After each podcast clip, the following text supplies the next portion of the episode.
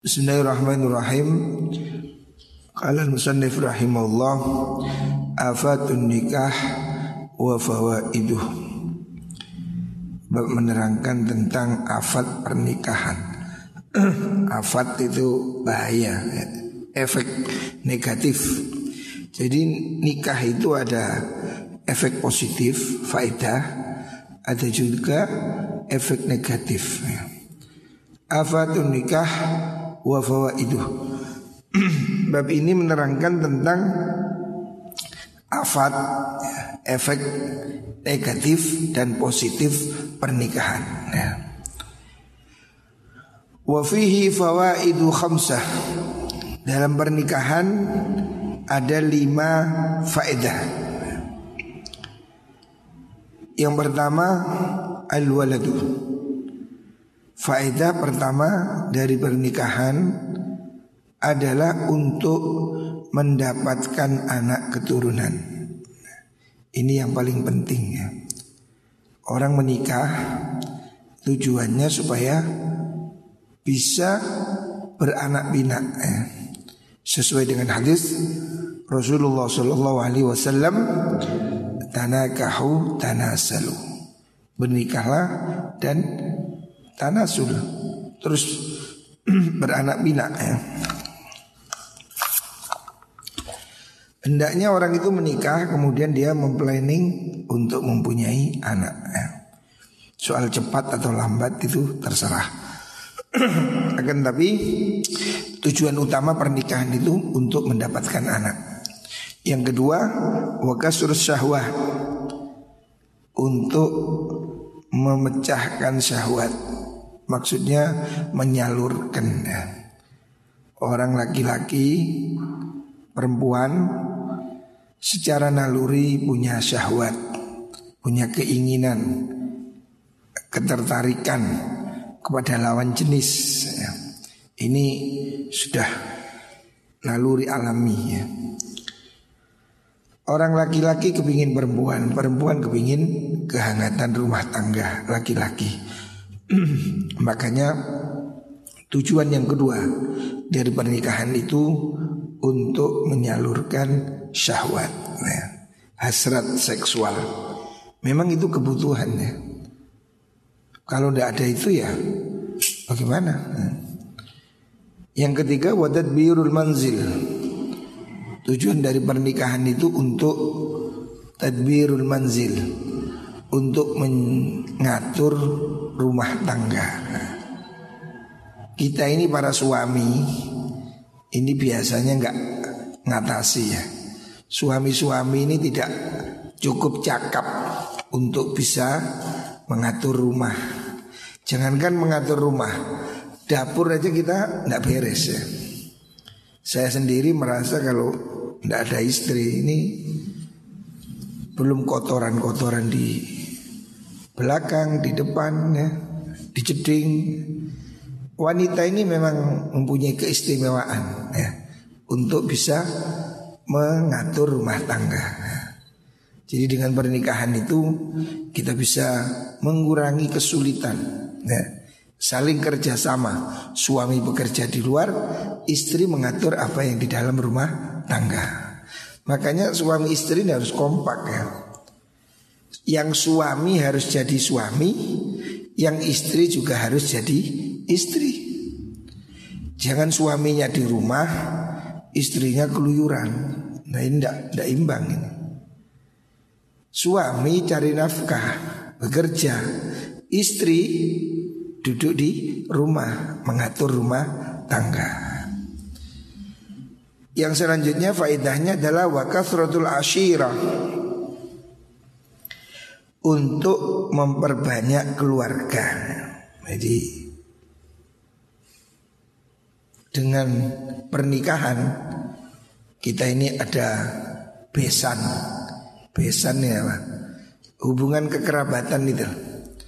Jadi pernikahan ini menimbulkan hubungan antara daerah, antar suku, antar kalau di Jawa Timur ini antar kiai, pondok ini besanan pondok sana. Jadi hampir semua pondok khususnya di Jawa itu masing-masing ada ikatan antar kiai. Kiai Anu mantunya Kiai Anu. Kiai Anu menikah dengan Kiai sana. Jadi ada asyirah ya, memperbanyak hubungan keluarga. Wa mujahadun wa mujahadatun nafsi lan mujahadah merangi hawa nafsu.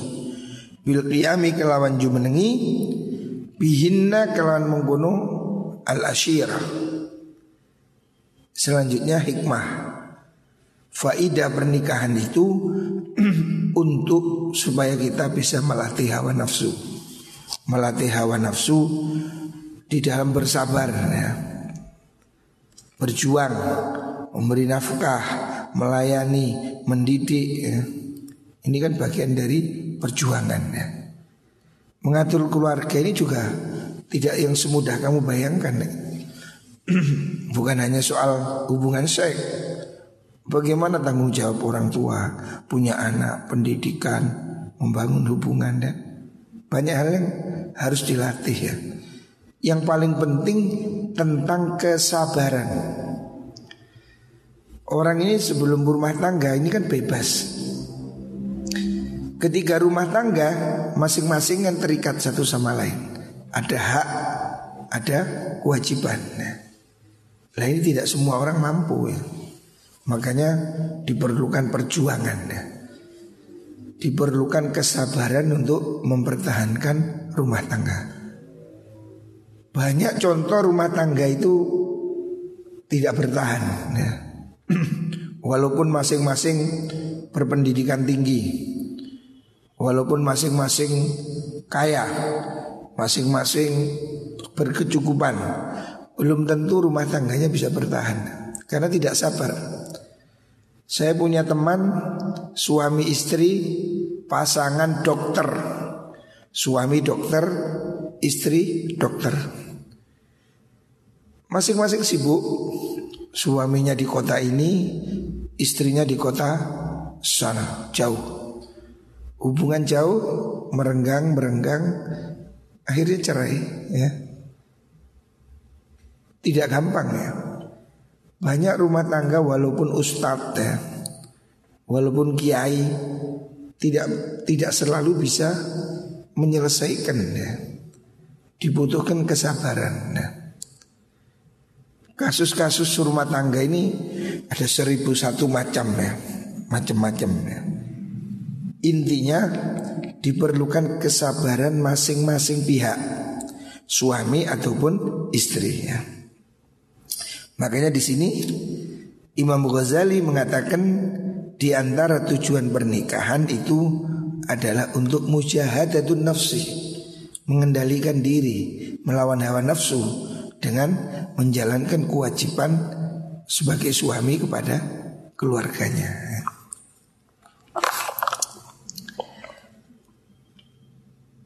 Bundiong Al faidatul ula utai faidah kang kawitan. Faidah yang pertama dari pernikahan al waladu yaitu untuk mendapatkan anak. Ya. Jadi faedah pernikahan tadi ada lima Mendapat anak Mengendalikan syahwat Mengatur rumah tangga Memperbanyak keluarga Dan melatih hawa nafsu Yang pertama tentang mendapat anak Wahwal aslu Wahwa utawi al walad aslu kang pokok nikah untuk mendapat anak ini yang utama. Walahu lan krono al walad dan selahakan opan nikahu nikah. Karena untuk tujuan mendapatkan keturunan dilakukan perkawinan. Wal maksudu utai kang den sejo Iku ibqa'un nasli Netepakan keturunan. Yang dimaksud dari tujuan perkawinan Adalah supaya ada tetap keturunan. Nah, Sambung menyambung. Wa alla yakhlua lan supaya ora sepi opo al alamu alam dunia? An jinsil insi saking jenisi menungso. Supaya dunia ini tidak kosong. Kalau semua orang tidak mau menikah lama-lama dunia ini kosong. Karena orang yang hidup pasti akan mati ya. Hari ini di Cina, saya kemarin kapan? Tahun kemarin ke Cina. Dulu saya ke Cina tahun 2003 atau 2002. Di Cina ada pembatasan anak. Orang maksimal satu anak. Orang punya anak lebih dihukum karena Cina sudah beban anaknya berat Penduduknya satu miliar Hari ini ketika saya datang lagi ke Cina Cina kekurangan.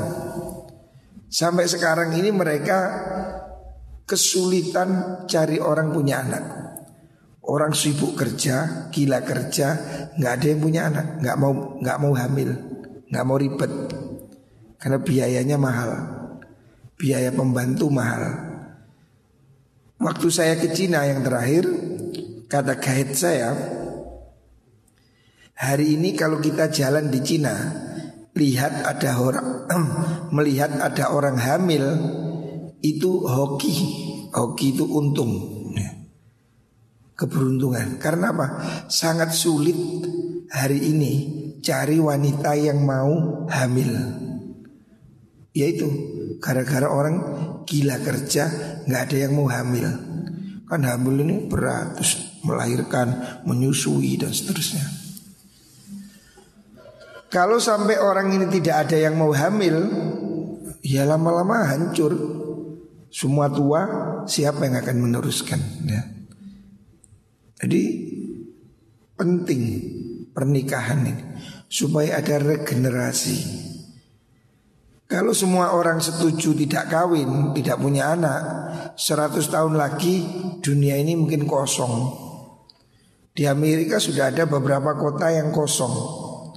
Di Italia juga. Di Italia ada pulau kosong. Sampai di Italia saya baca di medsos ada pulau di mana orang mau tinggal di situ dikasih uang. Pemerintahnya sampai mengundang orang supaya menetap di situ minimal tiga tahun dikasih rumah, dikasih uang. Karena kotong ya, penduduknya habis. Mereka pergi semua. Kotanya jadi kota hantu ya. Banyak orang yang tidak mau punya anak. Makanya kemudian mereka di Eropa itu banyak adopsi. Ngambil dari Indonesia, ngambil dari Asia ya dari Afrika kayak Madonna kan ngambil anak dari Afrika Madonnanya putih anaknya hitam karena anak angkat ya. Banyak orang yang nggak mau hamil lah itu nanti masa depan hancur karena manusia ini secara alami pasti akan bergantian ya. Manusia ini kata Allah seperti daun hijau-hijau kuning jatuh ya secara alami manusia ini akan menua mati ya. Makanya harus ada regenerasi Supaya dunia ini tidak kosong. Wa innal masyahwatu angin pestine utawi syahwat Iku khuliqat dan akan apa syahwat?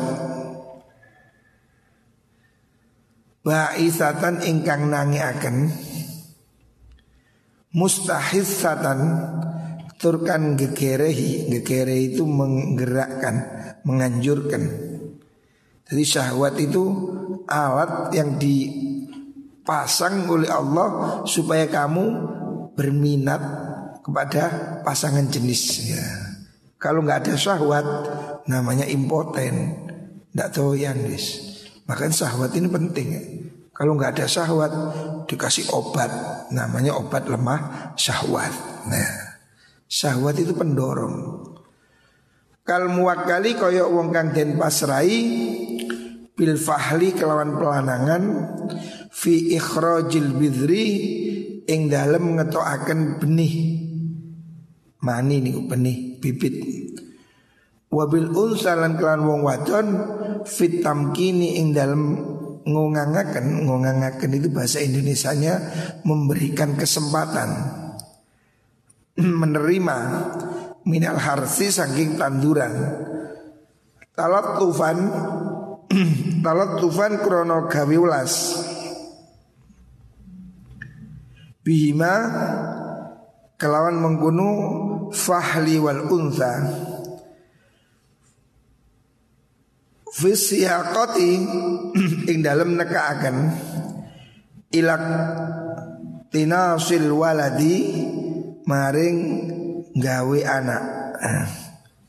Maksudnya bekerja sama suami istri ini seperti petani dan lahan.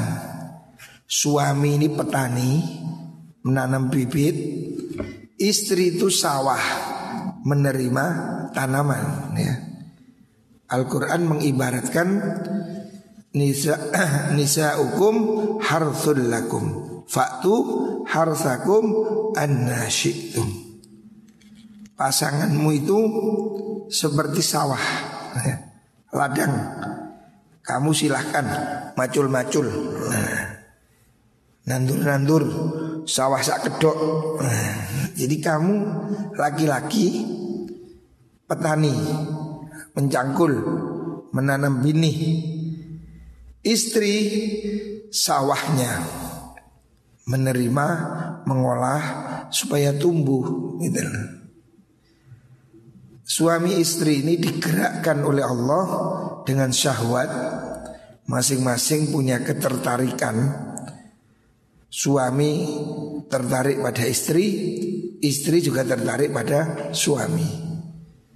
Itu memang benih yang ditanamkan Allah di hati manusia laki-laki dan perempuan supaya masing-masing connect. Kalau yang laki tok yang minat, istrinya nggak minat ya nggak bisa sempurna. Nah, harus saling bergerak. Allah menyuruh kita untuk saling menanam itu ya. supaya tumbuh anak-anak. Benih Kata tufi koyok gawi welas Bitoiri kelawan manuk Fi basil habbi Oh ini gua. Bisa babil wiko ikalan sebab jima Kata tufi koyok gawi welas Bitoiri kelawan manuk. Fi basil habbi ing dalam gelar biji-bijian Uji alladzi yastahi kang kepingin apa tair hi ing al habbi liusaka supaya den kiring sapa mengkono tair ila sabakati maring jaring. Ya. Seperti burung kalau mau dijaring itu kan dikasih benih. Maju-maju nyaplok masuk sangkar ya. Nah suami istri itu seperti itu. Ya dikiring melebu Terus ya melebu. Nah, Makanya harus ada pendorongnya itu. Itu yang disebut dengan syahwat Wa kanatil qudratul azaliyah Wa kan lan ono op al qudratu kekuasaan? Al azaliyah tukang bungsu azali Kekuasaan Allah pada zaman dahulu sebelum terciptanya bumi. Iku ghairu qasiratin ora kang cupet. An ikhtirail ashasi saking dadekaken pira-pira awa-awaan ibtidaan ing dalam kawitane min ghairi hirasatin saking tanpa nandur wazdiwajin lan kecampuran maksudnya istiwaj itu persentuhan laki-laki perempuan. Allah itu bisa menjadikan manusia tanpa hubungan seks. Ya. Allah bisa menjadikan manusia tanpa melakukan hubungan pernikahan atau suami istri. Contoh Nabi Adam. Nabi Adam lahir tanpa bapak, tanpa ibu. Ya. Allah bisa. Kalau Allah mau menciptakan satu juta Adam, bisa saja. Ada lagi yang tanpa bapak, Nabi siapa? Nabi Isa. Bapaknya tidak ada. Kalau kita meyakini ya memang tidak perlu bapak. Karena itu bagian dari kudroh ilahiyah, kekuasaan Allah. Lah orang-orang yang salah tanggap mengira bapaknya adalah Gusti Allah. Dari bapak Gusti Allah, mortuane sopo. Hmm. Kan bingung nanti. Kalau bapak, ada bapak berarti ada kakek. Kalau kakek ada nenek, bulat Islam mengatakan manusia itu bisa diciptakan tanpa permulaan. Contohnya Nabi Adam atau tanpa bapak seperti Nabi Isa. Allah mampu ya. Allah mampu menjadikan satu juta Adam, satu, satu juta Isa. Allah mampu. Tapi Allah menginginkan tidak begitu. Tidak. Walakinnal hikmatu tetapi ini hikmah Iku iktadat natrabi opo hikmah Hikmatul ilahiyah Tartibal musabbabati Ingurutakan piro-piro sebab alal musabab piro-piro perkara kang nyebabi alal asbabi ing ngatasi piro-piro sebab. Allah bisa sebetulnya menciptakan manusia tanpa bapak bisa. Allah menciptakan manusia langsung dari tanah bisa. Tetapi hikmah ilahiyah kebijakan Allah menghendaki manusia dilakukan dengan sebab akibat ya ada pernikahan, hamil, ada anak gitu. Tanpa itu sebetulnya Allah bisa. Contohnya Maryam bisa hamil tanpa pernikahan. Tetapi itu tidak selalu demikian. Allah menginginkan yang normal itu berjalan dengan sebab-sebab ya. Ja'alna likulli syai'in sababa. Supaya manusia ini bisa menalar gitu. Kayak kon katinang WC kebelet DC. Itu kan keadilan Allah. Kebelet sehingga kamu pergi ke WC. Coba Allah menghilangkan kebelet. Moro-moro pak melaku-melaku buru buru buru. Wah itu jenenge menceret. Bahaya itu. Allah beri sebab kamu makan kenyang terus buang air. Itu sebab-sebab aja gitu. Tapi Allah menginginkan demikian. Allah itu maha kuasa Tapi Allah tidak menciptakan kucing lahir dari kambing. Ya, Tidak ada. Kambing mana? Kambing. Walaupun kalau Allah mau bisa saja Kambing mana kucing. Tapi itu tidak dikehendaki oleh Gusti Allah. Mal istighna'i serta ni amri semuki Anda sanging mengkono-mengkono musabbabat Idharun korona mertelakan lil kudrati maring sifat kudrah Wa itmaman lan nyampurnaken li aja ibis sunati maring piro-piro keajaibani asal kejadian penciptaan. Wah tahqiqan lan nyatakan lima maring perkara sabakut kang wis disi ibi iklan ma opal masyiatu kersani Gusti Allah. Wa haqqat dan tetep iklan ma opal kalimatu kalimati Gusti Allah ay kalimatul ilahiyah Wajar olan numaku bihiklan ma Opo al kolamu kolam Maksudnya catatan Gusti Allah. Allah menginginkan terjadi proses sesuai yang dikehendaki Allah Yaitu ada kelahiran Terus kemudian ada apa? Keajaiban. Bagaimana proses hamil Proses melahirkan Itu kan semua keajaiban. Bayangkan manusia bisa lahir dari jalan kemaluan perempuan itu ajaib loh. Emang luasnya berapa? ukuran dewe. Nah. Kok bisa keluar manusia sebesar kamu inilah? Kamu lu keluar dari luang lubang seberapa ya? Kalau bukan kehendak Allah, bayi itu tidak bisa keluar. Ya sekarang ada namanya operasi sesar. Tapi dulu-dulu kan nggak ada. Bayi lahir dari rahim keluar lewat jalan itu, jalan kemaluan itu. Berapa luasnya ya? Berapa senti bisa keluar manusia segede ilham itu? Loh, kamu gede ini biar melebut kok di pikiran.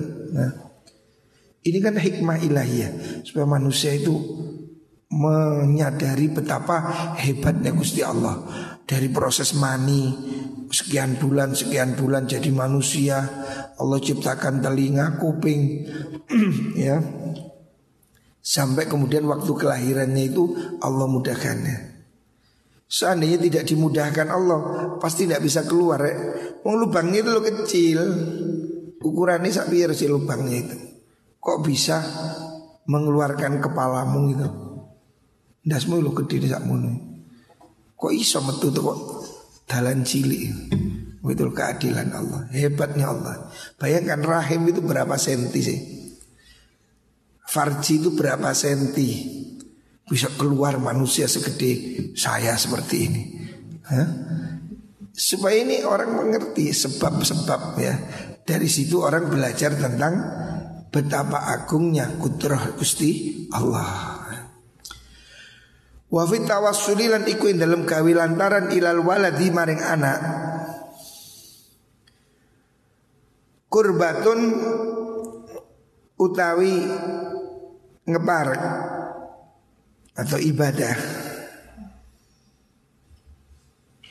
min arbaati aujuhin saking papat piro-piro wajah.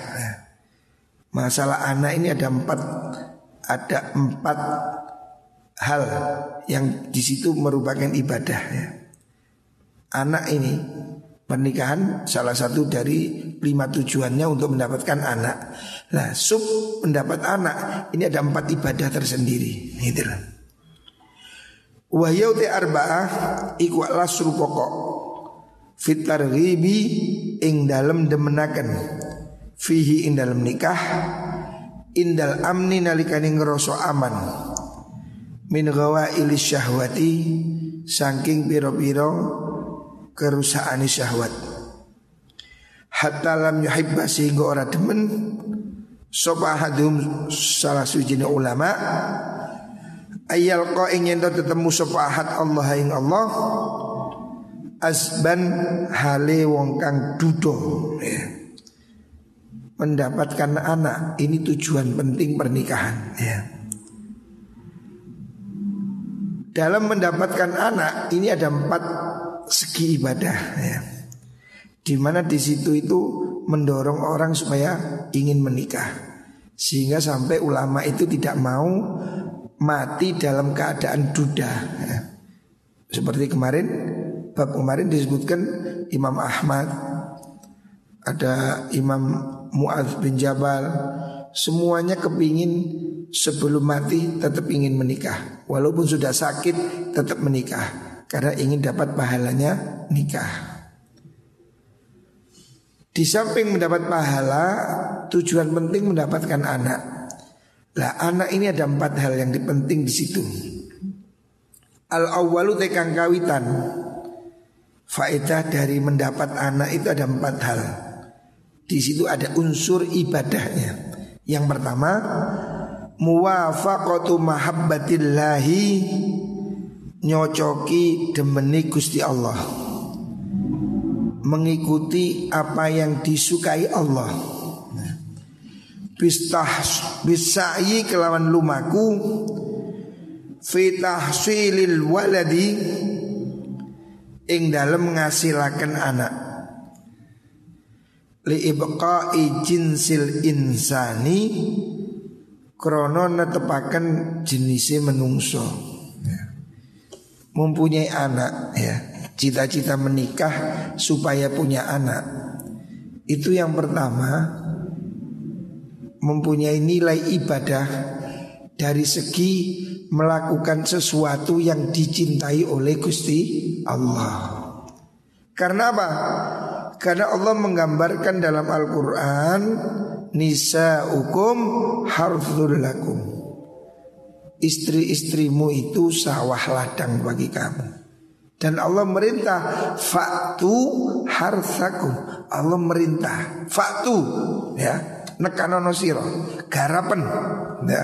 An-nasiktum Coropai terserah. Rumah murepe sakarmu ya. Tapi Allah merintah kamu menanam ya. Artinya Allah memerintah kamu menanam itu Allah memerintahkan kamu untuk meneruskan siklus manusia. Karena zaman itu belum ada kapi, belum ada kondom, belum ada spiral ya. Sehingga orang selalu konotasinya menikah punya anak, menikah punya anak. Karena pada zaman itu kan tidak ada namanya kapi-kapi kan tidak ada. Makanya orang kalau menikah itu mesti konotasinya supaya punya anak. Eh. Karena zaman dahulu belum ada KB.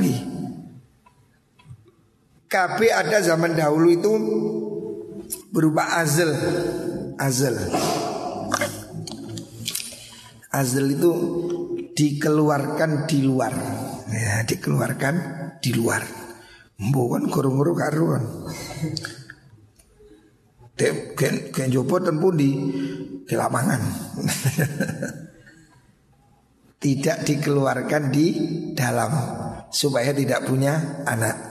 Loh, orang melakukan azal, azal itu seperti tadi itu. Tidak diniati untuk punya anak. Itu ulama berbeda pendapat. Ada yang mengatakan nggak boleh, ada yang mengatakan boleh ya. Termasuk hukum kapi itu. Waktu kapi pertama diadakan itu kan ulama pro kontra. Boleh nggak kapi? Ada yang mengatakan boleh, ada yang mengatakan nggak boleh. Gitu. Karena tujuan menikah itu untuk punya anak. KB dengan tujuan menjarangkan anak, mengatur kelahiran boleh. Yang tidak boleh itu KB untuk tidak punya anak sama sekali. Nah itu tidak boleh. Istilahnya steril gitu. Itu tidak boleh. Karena apa? Itu memutus tujuan dari tanasul. Tujuan dari siklus manusia. Kalau steril, kalau kucing dikebiri itu tidak bisa hamil itu tidak boleh. Kecuali kalau tujuan medis ya. Biasanya orang itu kalau sudah melahirkan sesar tiga kali itu dipotong anunya ini ya rahimnya karena berbahaya. Tetapi pada kondisi normal orang tidak boleh melakukan steril itu. Karena apa berarti dia itu menutup kemungkinan punya anak sama sekali kalau untuk mengatur kelahiran supaya tidak terlalu rengket juga lahir lahir lahir kayak terwelu brul brul brul brul. Tadi sore saya ada tamu, tadi itu anaknya 15, istrinya dua. Tadi datang sore-sore ke situ. Wah, naik gember wuyek waduh, waduh, waduh, waduh, waduh, aku wasnoi bingung. Loh, anakku terluwe rasanya koyo omai koyo kapal pecah. Iku arek Telulas ya apa caranya? Anaknya 15 Yang satu punya anak 8 Istri satunya punya anak 7 Jadi hampir bareng. Jadi langsung punya dua dua dua begini. Bayangkan seru ini. Wis pasti seru ini. Wis pasti terjadi. Saya bayangkan lek tukaran ya apa ya? Wong anak saya cak Lat dua tahun sih Surung-surungan. Nah iki Nah tapi ya Keajaiban Allah ya Keajaiban Allah. Artinya dan dia kayaknya orang yang aliran ini. Saya punya teman ini dua dua tipe. Ada orang yang tipe anti kapi, ya seperti itu. Anaknya buahnya. Mereka itu tidak mau kapi. Jadi ada orang Islam ya, ya teman kita ini ada yang memang tidak mau kapi, memandang kapi itu haram karena melanggar tujuan pernikahan. Tapi ulama yang lain mengatakan boleh ya kapi itu boleh Bukan untuk tidak punya anak Untuk mengatur kelahiran Itu boleh Maunya sekarang belum siap di plan nah, Diundur Boleh-boleh saja ya. Tetapi tujuannya memang menikah itu untuk supaya punya anak itu memang ya. Tanah kahu, tanah salu, rabio, nuyo anak. Lewis rabi, meteng. Ojo meteng, baru rabi. Ini salah. Jenengi LKMD, lamar kari, meteng disik. Nah, ini jelek ini ya. Kuliah punya anak, akhirnya dapat gelar MPA, Married by Accident. Nah, menikah karena kecelakaan itu tidak boleh. Tapi kalau punya istri melahirkan tidak ada masalah. Memang itu tujuannya. Dan itu diinginkan oleh Allah. Justru kalau orang menikah tidak ingin punya anak itu tambeng apa? Begetut sama dengan orang diberi sawah, maunya kamu tak kasih sawah. Eh, ki sawah, garapan, ini bibit, ini pupuk, ini ongkos udah diberi terus kamu nggak nanam ya pasti saya marah dong. Kamu ini gimana sih? Udah tak kasih sawah bibit ongkos. Kamu nggak mau nanam. Kamu berarti malas. Ya lu dikepuk nah, sudah dikasih bibit tuh nggak mau nanam? Nah ibaratnya orang yang nggak mau punya anak ini seperti orang diberi sawah tidak mau nanam. Makanya itu jelek ya. Harusnya bagaimana? Ya harusnya kamu itu nikah ya punya anak itu normal Nikah supaya kamu punya anak ya. Jangan takut ya. Jangan takut nikah takut punya anak Nikah punya anak itu normal Lah saya tidak punya apa-apa Iya kunu fukara Yughnihimullah min fadli Jangan takut miskin ya. Asani utai kang kabing pindu tujuan dari pernikahan yang kedua Oh tujuan dari punya anak. Itu tolabu mahabbati Rasulillah Sallallahu alaihi wasallam. Nyuprih Cintai kanjeng Nabi Muhammad Sallallahu alaihi wasallam. Fi taksiri man Ing dalam ngakehaken wong. Napa lafat ini? Fi takfiri man bihi, ono bihi ini. Bihi kang iku kelawan man mubahatuhu utawi kebanggaane Kanjeng Nabi. Jadi punya anak ini faedah yang pertama melakukan hal yang dicintai Allah karena kita disuruh menanam.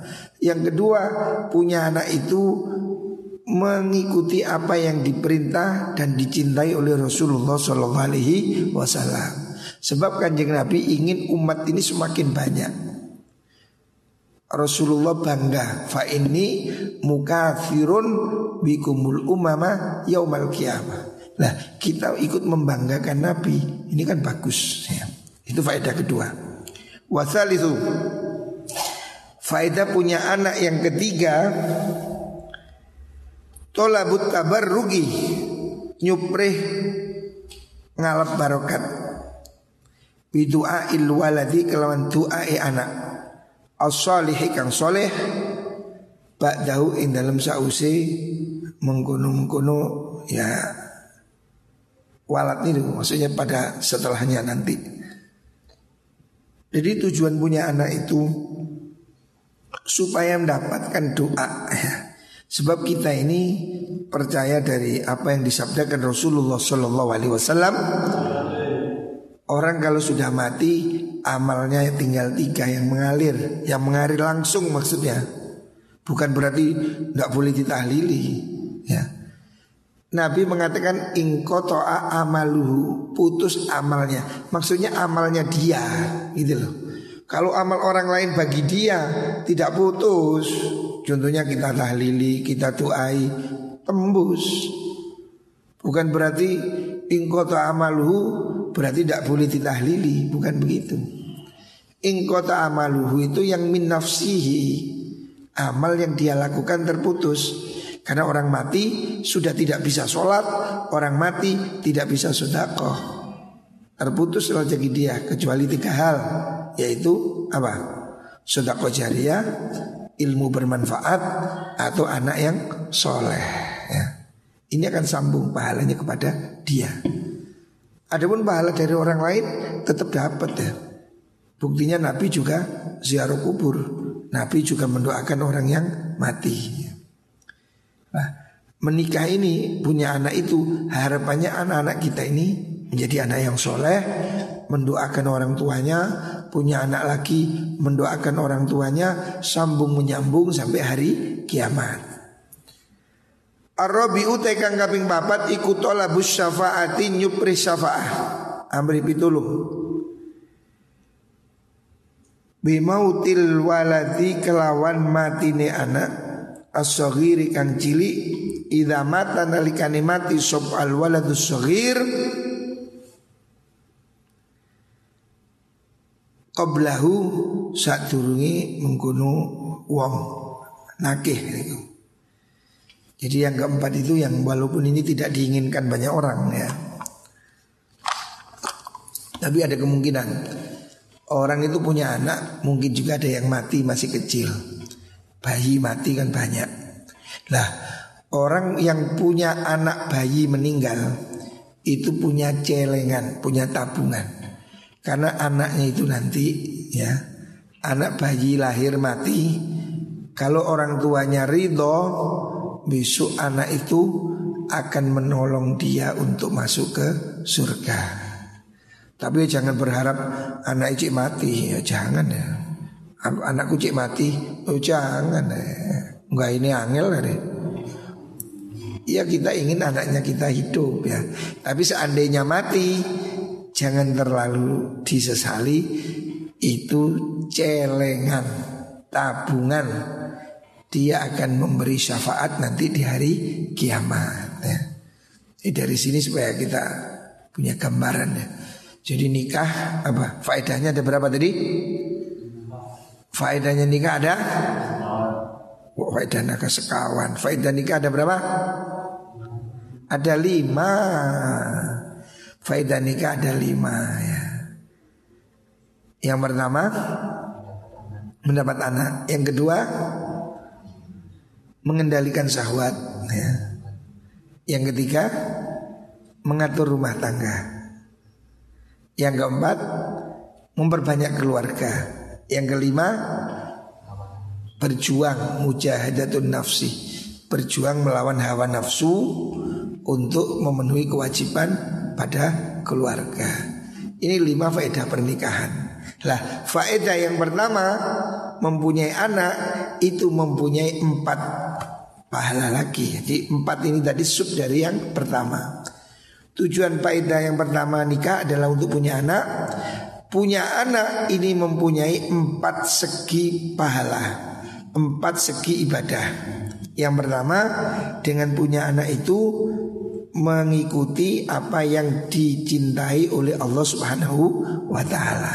Karena Allah memerintah kita untuk punya anak secara eksplisit dalam ayat nisa hukum harsul lakum faktu harsakum annasyitum.